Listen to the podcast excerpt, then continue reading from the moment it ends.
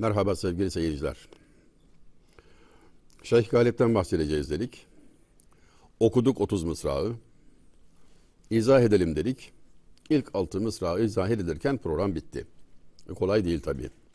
Çünkü gerçekten dolu dolu manalar yüklenmiş bir şaheserle karşı karşıyayız. Tedbirini terk eyle takdiri hüdanındır.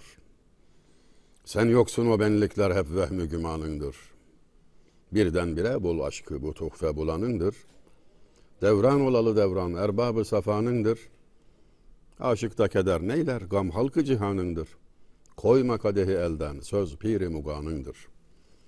Açıklamaya çalıştığımız ilk kıta buydu. Şöyle böyle açıklar gibi olduk ve program bitti.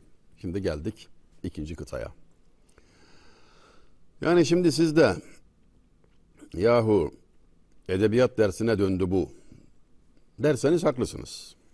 Ben de öyle olmamasına elimden geldiğince çalışıyorum. Ama tabii dediğim gibi elimden geldiğince. Çok da fazla insanın elinden gelmiyor yani. Öyle bir edebi eserle karşı karşıyayız ki hiç mana vermeden, üzerinde durmadan da geçilemez.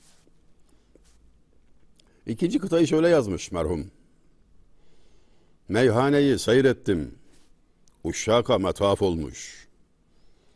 Teklifü tekellüften sükkanı muaf olmuş. Bir neşe gelip meclis bir havfu hilaf olmuş. Gam sohbeti yad olmaz, meşrepleri saf olmuş. Aşıkta keder neyler, gam halkı cihanındır. Koyma kadehi elden, söz piri muganındır. Meyhaneyi seyrettim diye lafa giriyor. Üstad. Şimdi bu ne? Yani bize Şeyh Galip ne tavsiye ediyor? Muhakkak doğru anlamak durumundayız ve o hususta birkaç kelam etmek kaçınılmaz. Tekrar da olsa. Et tekrar ve ahsen. Bunu tekrar söylemek gerekiyor.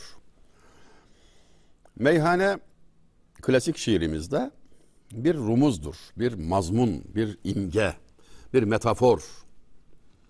Esasen her kelime öyledir de bu çok özel bir durum. Kelimenin lügat manası burada söz konusu değildir.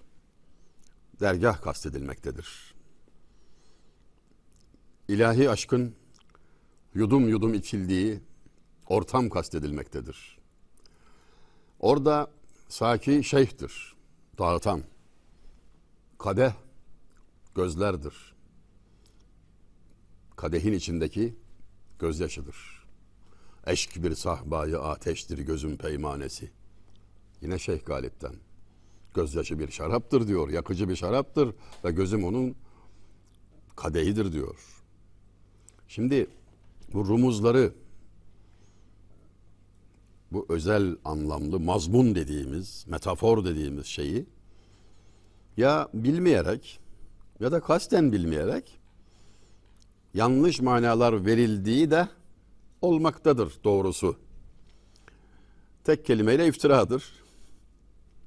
Hayır bundan bahseden yok mu? Olur, olabilir. Konumuz o değil. Şeyh Galip diyoruz burada. Şeyh Galip merhum bir gelenektir bizde. Hani sarhoşluğun aşkın insanda bıraktığı iz, hasıl ettiği tesir sarhoşluğa benzetildiği için, benzediği için böyle bir ifade tarzı tercih edilmiş, genel kabul görmüş bütün şairlerimiz tarafından. Alim, mutasavvuf çok ciddi eserler vermiş. Önderlerimiz tarafından bu imge benimsenmiştir. Bir gelenektir. Köklü bir gelenek. Şunu da söylememiz kolaylıkla mümkün. Neredeyse hiçbir kelime şiirimizde lügattaki manasıyla kullanılmaz. Başka bir mana getirir, başka bir manaya gelir ve şiirimizden yüklendiği manayı alır, tekrar lisana dönerek bir zenginleşme olur. Bunu göz ardı etmemeli ve düz mantıkla hareket etmemeliyiz. Özel bir anlam dünyasıdır. Vesselam. Tekrar okuyalım şimdi. Meyhaneyi seyrettim, uşşaka metaf olmuş. Aşıkların tavaf yeri olmuş adeta. Aşıklar oradan hiç ayrılmıyorlar. Gördüm ben meyhaneyi diyor. Teklifü tekellüften sükkanı muaf olmuş. Orada bulunanlar teklif ve tekellüften muaf. Orada teklif, tekellüf yok. İşte bu kavrama bakılmalı. Nedir teklif, tekellüf? Çok basit bir anlamlandırmaya izin verin. Şimdi bir misafirinizi eve çağırırsınız. Diyelim ki haliniz vaktiniz yerinde. Yemeğe çağırdınız. Geldi. Ama öyle bir ikram sofrası açtınız ki tekellüflü bir sofra. Yani yok yok kuş sütü eksik sadece. Pahalı, tekellüflü bir sofra hazırladınız. Bu aranıza bir duvar olarak çıkar. Benzer bir sofraya sizi çağıramayacağı için misafiriniz irtibat orada kesilir maalesef. Yani bu gösteriş demek bir yerde. Tekellüfün öyle de bir manası var. Çok tekellüflü giyinmiş derler mesela. Bir salona girdim der, hayli tekellüflü der. Gösterişli, mutantan, şaşalı, mutantan yani tantanalı. Ama tarif ettiği yer meyhane dediği dergah o gönül erlerinin bulunduğu ortam öyle bir yer ki teklifü tekellüften sükkana muaf olmuş. Orada öyle bir şey yok. Herkes rahat. İnsanlar vasıflarıyla makamlarıyla orada değiller. Bir bakıyorsun önde bir paşa arkasında bir dilenci. Fakir olabiliyor yani orada şartlar eşitlenmiş. O yüzden gönül huzuruyla orada bulunulabiliyor. Aşk meclisinin özelliğidir zaten. Orada olmak için arınacaksın. Soyunmak derler buna. Mevlevi tabiri. Soyunmak yani her türlü fazlalıklardan, gösterişten, şundan bundan arınma hali. Şeyh Galip merhum bizzat kendisinde yaşanmış. Gariban birisi epey zor durumda. Parası pulu yok, düzgün kıyafeti yok, sıkıntılar içinde. Dergaha gelmiş. Şeyh Galip merhuma soyunmaya geldim şeyhim demiş. Yani mürit olmaya. Yani buradaki rüsuma ta- tabi olmaya, soyunmaya geldim o demek. Rumuzlu bir ifade.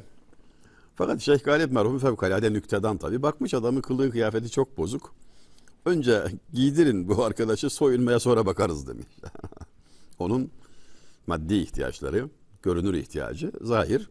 Zaten gelişinde de galiba öyle bir durum var ki önce bir giydirelim seni, soyunmaya sonra bakarız cevabında bulunmuş. Teklifü tekellüften sükkanı muaf olmuş. Şimdi ortamı hayal etmeye çalışalım. Bir neşe gelip meclis bir havfu hilaf olmuş. O meclise bir neşe hakim olmuş. Aman ya Rabbi. Orada bulunanlar korkudan, hilaftan, acabadan, tereddütten arınmış. Herkes cezbeye kapılmış ya. Bir havfu hilaf, korku yok, ürkü yok, endişe yok. Efendim herkes müsterih. Çünkü kimse kimseye bir şey dayatmıyor ki. Bir protokol yok ki yani. Yarı resmi tam samimi demiştim ya. İşte öyle bir durum yani. Sayın Vali'ye atfen. Teklif-ü tekellüften sükkanı muaf olmuş. Bir neşe gelip meclis bir havfu hulaf olmuş. Gam sohbeti yad olmaz. Meşrepleri saf olmuş. Artık orada gamdan bahsedilmiyor. Sıra bile gelmiyor. Gam şikayet, neden şikayet edecek? Aşıkta keder neyler? Gam halkı cihanındır. Koyma kadehi elden, söz piri muganındır. Aşık olanda gam ne arasın? Olmaz ki. Gamlanacağı bir şey yoktur. Yunus Emre, ballar balını buldum, dükkanım yağma olsun. Aşk gelecek cümle eksikler biter denir. Koyma kadehi elden, söz piri muganındır. Elinden kadehi bırakma, söz piri muganındır. Hani dedik ya, kadeh deyince, şarap deyince, meyhane deyince alıştığımız manaların çok dışında bambaşka şeyler kastedildiğini gözden ırak tutmamalıyız. Bırakma diyor kadehi elden. Şimdi diyor sen bu sözü anlamazsın. Aha bize Şeyh Galip Kör Agup'un meyhanesine gidelim kafayı çekelim dediği gibi anlarsın. Söz piri muganındır. Ben söylemiyorum diyor. Piri mugan. Kritik bir ifade. Yani bu şeyhi, mürşidi anlatır. yani piridir oradaki sakilerin. Derler ki Homeros Yunan medeniyetinin en akıllılarının en akıllısı derler. Lider şahsiyet. Çok hürmet ettikleri kişilik. Şarap içmeden şair olunmaz demiş. Yani sarhoş olmadan, şarap içmeden şair olunmaz demiş. İbni Farz'ın cevabına bakar mısınız? Bizim medeniyetimizin cevabıdır bu. Der ki, biz sarhoş olduğumuzda üzüm yaratılmamıştı. İşte sizin sarhoşluktan anladığınız o, bizim anladığımız bu. Peki üzüm yaratılmamıştı. O ne demek?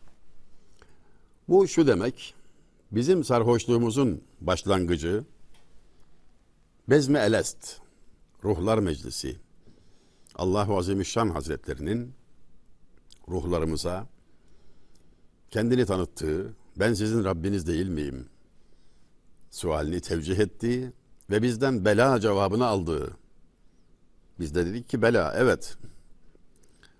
O mecliste öyle bir aşka düştük ki artık geldiğimiz dünya hayatında hiçbir güzele bakacak halimiz yok. Yani mecazi aşklar bizim konumuz değil.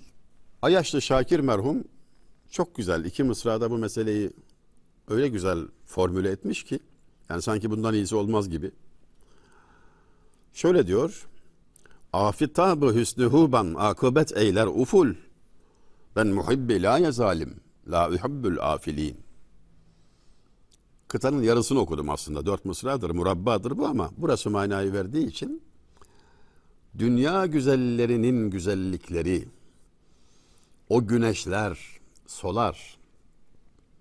Ben muhibbi la yezalim, batmayan güneşi severim ben. La uhibbül afilin, batanları sevmem. İşte burası ayeti kerimedir. İbrahim Aleyhisselam'ın dilinden dökülen sözler ayeti kerimeye konu olmuştur. Sebebi nüzüldür. Batanları sevmem diyor. Yani fani olan güzelliklere bakacak değilim. O benim işim değil diyor. Ben muhibbi la yezalim la uhibbül afilin. Öyle bir seviyeden bize anlatıyor ki aşkı. Divanından sonra yazdığı ikinci bir eseri vardır. Şeyh Galip merhumun Hüsnü Aşk, Güzellik ve Aşk. Edebiyatımızın ser levhası bir eserdir. Yazılış hikayesini de şöyle anlatırlar. Divanı bitirdikten sonra Şeyh Galip merhum artık diviti koydu Hokka'ya. İş bitti imzaladı. Yaş 24. Divan tamam. Bir mecliste şöyle bir konuşma cereyan eder. Kısa süre önce vefat etmiş olan Nabi merhumun hayriyesi konuşulur. Onun Hayriye isimli bir eseri var. Adeta gençliğe hitabe bir ahlak manifestosu, bir kişisel gelişim anayasası ve bu sahada muazzam bir gençliğe hitabedir yani. Bu sahada cidden çok başarılı. Oğlunu konu alarak oğluna ithafen yazmış. Hayri isimli oğluna Hayriye diye yazmış. Bundan bahis açılmış Şeyh Galip merhumun bulunduğu bir mecliste. Nabi merhum öyle bir eser verdi ki artık o seviyeye çıkılamaz. Bir daha kim yazsın falan gibilerden.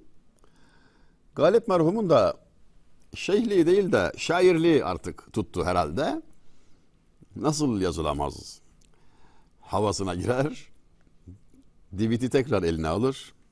1101, 1201 beyitlidir bu hayriye. Yani edebiyatımızda çok özel bir yere sahip. İskender Hoca çalışmıştı onu, basmıştı. İskender Pala. İşte ondan bahsediliyor. O kadar kıy- kıymetli, o kadar yüksek bir eser ki bir daha benzer yazılamaz deniliyor. Gayretine dokunuyor Galip merhumun. Yani şeyh olarak değil de şair olarak gayretine dokunuyor. Nasıl yazılamazmış gibilerden. Tekrar diviti eline alıyor ve 1201 beyitli Hayriye'ye nazire olarak 2101 beyitli Hüsnü Aşk'ı yazıyor. Yani yazılır. Hem de alası yazılır manasında bir meydan okuma bu. Aralarında Yani vefatları itibariyle 1712, 1799, 80 yıl gibi bir zaman var. Bu konuşma olduğunda Nabi merhumun vefatından işte 50 küsur yıl geçmiş. Yaklaşık 60 yıl ama Nabi'nin Osmanlı semasında gümbür gümbür sadası yankılanıyor. Bunu bilmeyen, duymayan yok. Nazire yapıyor ona yani. 2101 beyitli bir şaheser. İşte orada şöyle bir beyte yer verir. Esrarını Mesnevi'den aldım. Çaldımsa da miri malı çaldım. Zira kendisi Mesnevi'den etkilenerek, istifade ederek yazıp çizdiği, söylediği ile itham olunmaktadır. Birçok kişi bunu söylemişti. Rakip şairler veya başkaları söylemişlerdir. Onlara cevaben diyor ki evet diyor. Sırlarımı Mesnevi'den aldım. Esrarını Mesnevi'den aldım. Çaldımsa da miri malı çaldım. Yani bunu çalmakta beis yok. Hikmet müminin yitiğidir. Nerede bulursa alır. En goşti hata uzatma öyle. Beş beytine bir nazire söyle. Parmağınla hata gösterip durma. Bak bunu Mesnevi'den almış filan filan diyorsun ya. Deme öyle. Bulunca sen de çal. Fehmetmeye biraz himmet eyle. Ol gevheri bul da sirkat eyle. Bulursan sen de çal. Bunda beis yok. Bunu çalmamak kabahattir. Zaten miri maldır sahibinin mülkiyet iddiası mı var? Telif hakkı mı ileri sürüde sana ne oluyor? Hazreti Mevlana'nın mesnevisinden bahsediyoruz. Tabii zannetme ki şöyle böyle bir söz. Gelsen dahi söyle böyle bir söz. Yani sen bunu hafife alma diyor. Sıradan bir eser değildir diyor. Çalış dersine bu, bu sürece gir sen de yazarsın sen de söylersin diyor. Ama bunun şartı var işte buraya yetiş, girmek lazım. Mevleviliği kastediyor. Mesnevi'den ders almayı, yetişmeyi kastediyor. Yazdık ama diyor sebebi bu diyor. Yani bir eğitimden geçtik geçiyoruz diyor. Zannetme ki şöyle böyle bir söz. Gelsen dahi söyle böyle bir söz. Yersiz iddialara böyle bir cevap veriyor. Şöyle bir kelamı ezberlemenizi ricasıyla söyleyeceğim bu noktada. Değersiz sebepler göstererek önemsiz hüküm vermeye kalkışan kendi yüz karasını ortaya koyar. Yani karşında bir eser var. Ciddi bir eser. Sahibi muktedir bir ilim erbabı ve sen bunu okuyup istifade etmek yerine diyorsun ki şuradan almış buradan almış. E ne oldu yani? Alması iyi değil mi? Doğrusu bu değil mi? Değersiz bir sebep gösteriyorsun. Verdiğin hüküm de önemsiz. İstifadeye tamamen kapalısın. Aslında bu senin yüz karanı ortaya koyar. İyi niyetli olmadığını gösterir. Nitekim zaman gösteriyor. İşte Şeyh Galip merhum buracıkta bir savunma sadedinde Hüsnü Aşk'ın bir yerinde Zişairi indem ki zişairi eser nist Sultanı Suhan menem diğer nist diye bitirir o faslı. Son bu beyti Farsça söylemiş. Öyle bir devirde yaşıyoruz ki şairane, hakimane söz söyleyecek usta pek yok. Söz ülkesinin sultanı acizane biziz bir karışıklık olmasın demeye geliyor. Nüktesini de eksik bırakmıyor yani merhum. Şeyh Galip merhumun müritlerinden biri belki de en meşhuru Sultan 3. Selim idi. Osmanlı Sultanı 3. Selim merhum. Yaşları birbirine yakındı. Yani biri 17, biri 19 falan o civarda 20. Ama şeyh oluyor, mürit oluyor, divanı tamamlıyor, bitiriyor. Ha şunu da söyleyeyim. Yani o hışımla, o hızla, yani o gayretle Hüsnü Aşkı yazmaya başladı. 2101 beyt yazdı ya. O bittiğinde de 26 yaşında. Geçen de birisi sormuştu bana. Sonra ne yaptı bu insan 26'sından 42'sine kadar falan diye. Ya böyle soru sormana hacet yok. Kendine bak ne yapıyorsun. Yani senin ömrün de geçiyor işte. Daha uzun hatta. Sen ne yaptın, ne yapıyorsun ki? Ne, neyi sorguluyorsun? İşte merak insana sorduruyor böyle şeyleri. Üçüncü Selim merhumla bir özel sohbetleri sırasında bunalmış, daralmış iyice. O dönem yani 1780'ler 90'lar artık 3. Selim merhumun dönemi epey de sıkıntılı bir dönem. Osmanlı zor durumda. Artık o ihtişam günleri geçmiş. sallantılar var, sarsıntılar var. Bu ızdırapla muhtemelen şeyhim çok bunaldık diye arz etmiş. Piriniz Hazreti Mevlana'dan bir keramet nakletseniz ferahlasak. Öyle ya güzel insanların adının anıldığı yere, salihlerin adının anıldığı yere rahmet iner. Ki bir hadisi şeriftir malumunuz. İnde zikri salihin tenzilur rahme. Salihlerin adının anıldığı yere rahmet iner, nazil olur. Bunu talep ediyor Şeyh Galip'ten. Ve bunu da belirleyici bir şekilde talep etmiş. Piriniz Hazreti Mevlana'dan bir keramet anlatın da ferahlayalım diye. Sultan 3. Selim. Cevap şudur.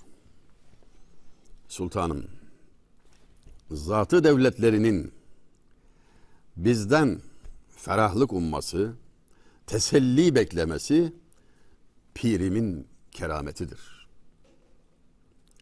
Ne kadar güzel bir söyleyiş biçimi. Yani bizde bir kemal varsa, bir olgunluk varsa, bizden bir şey görüyorsanız, umuyorsanız o benim pirimdendir. Biz kimiz ki? Efendimsin cihanda itibarım varsa sendendir. Miyanı aşıkan da iştiharım varsa sendendir. Benim feyzi hayatım hasılı ruhi revanımsın. Eğer sermaye-i ömrümde karım varsa sendendir. Sanadır ilticası galibin ya Hazreti Monla. Başımda bir külahı iftiharım varsa sendendir. On beyitli harika gazelinden üçünü seçerek söyledim ve üçünün manasını fark ettiniz zaten. Şeyh Galip merhum Hazreti Mevlana'ya hitaben şu kadar iyiliğim varsa, insanlığım varsa, bana değer veren varsa, herhangi bir şekilde saygı görüyorsam sendendir pirim diyor.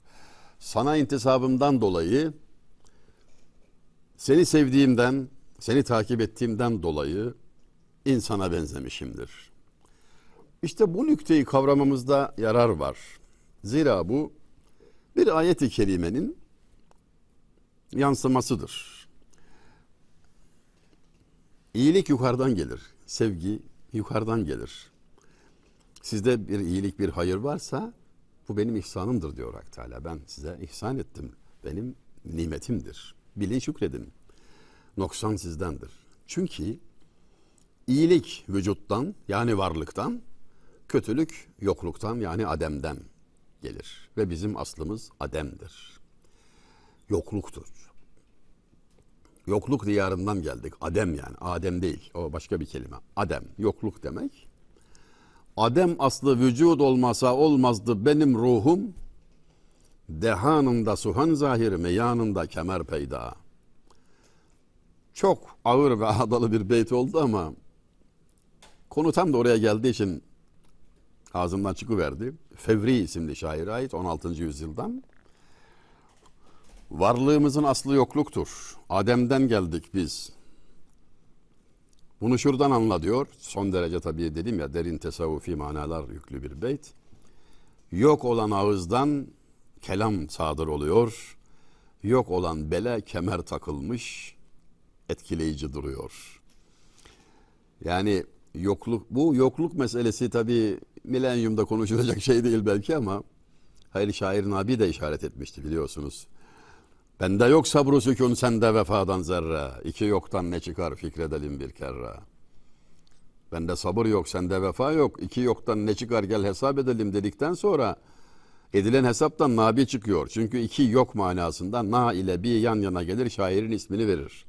Şair burada dolaylı bir biçimde yok içinde yokum demektedir ki başta söylediğimiz varlık iddiası kişiye ağır yüktür hesabı verilmez. Vesselam. Daha fazla video izlemek için kanalımıza abone olabilir, ilk izleyen olmak isterseniz bildirimleri açabilirsiniz.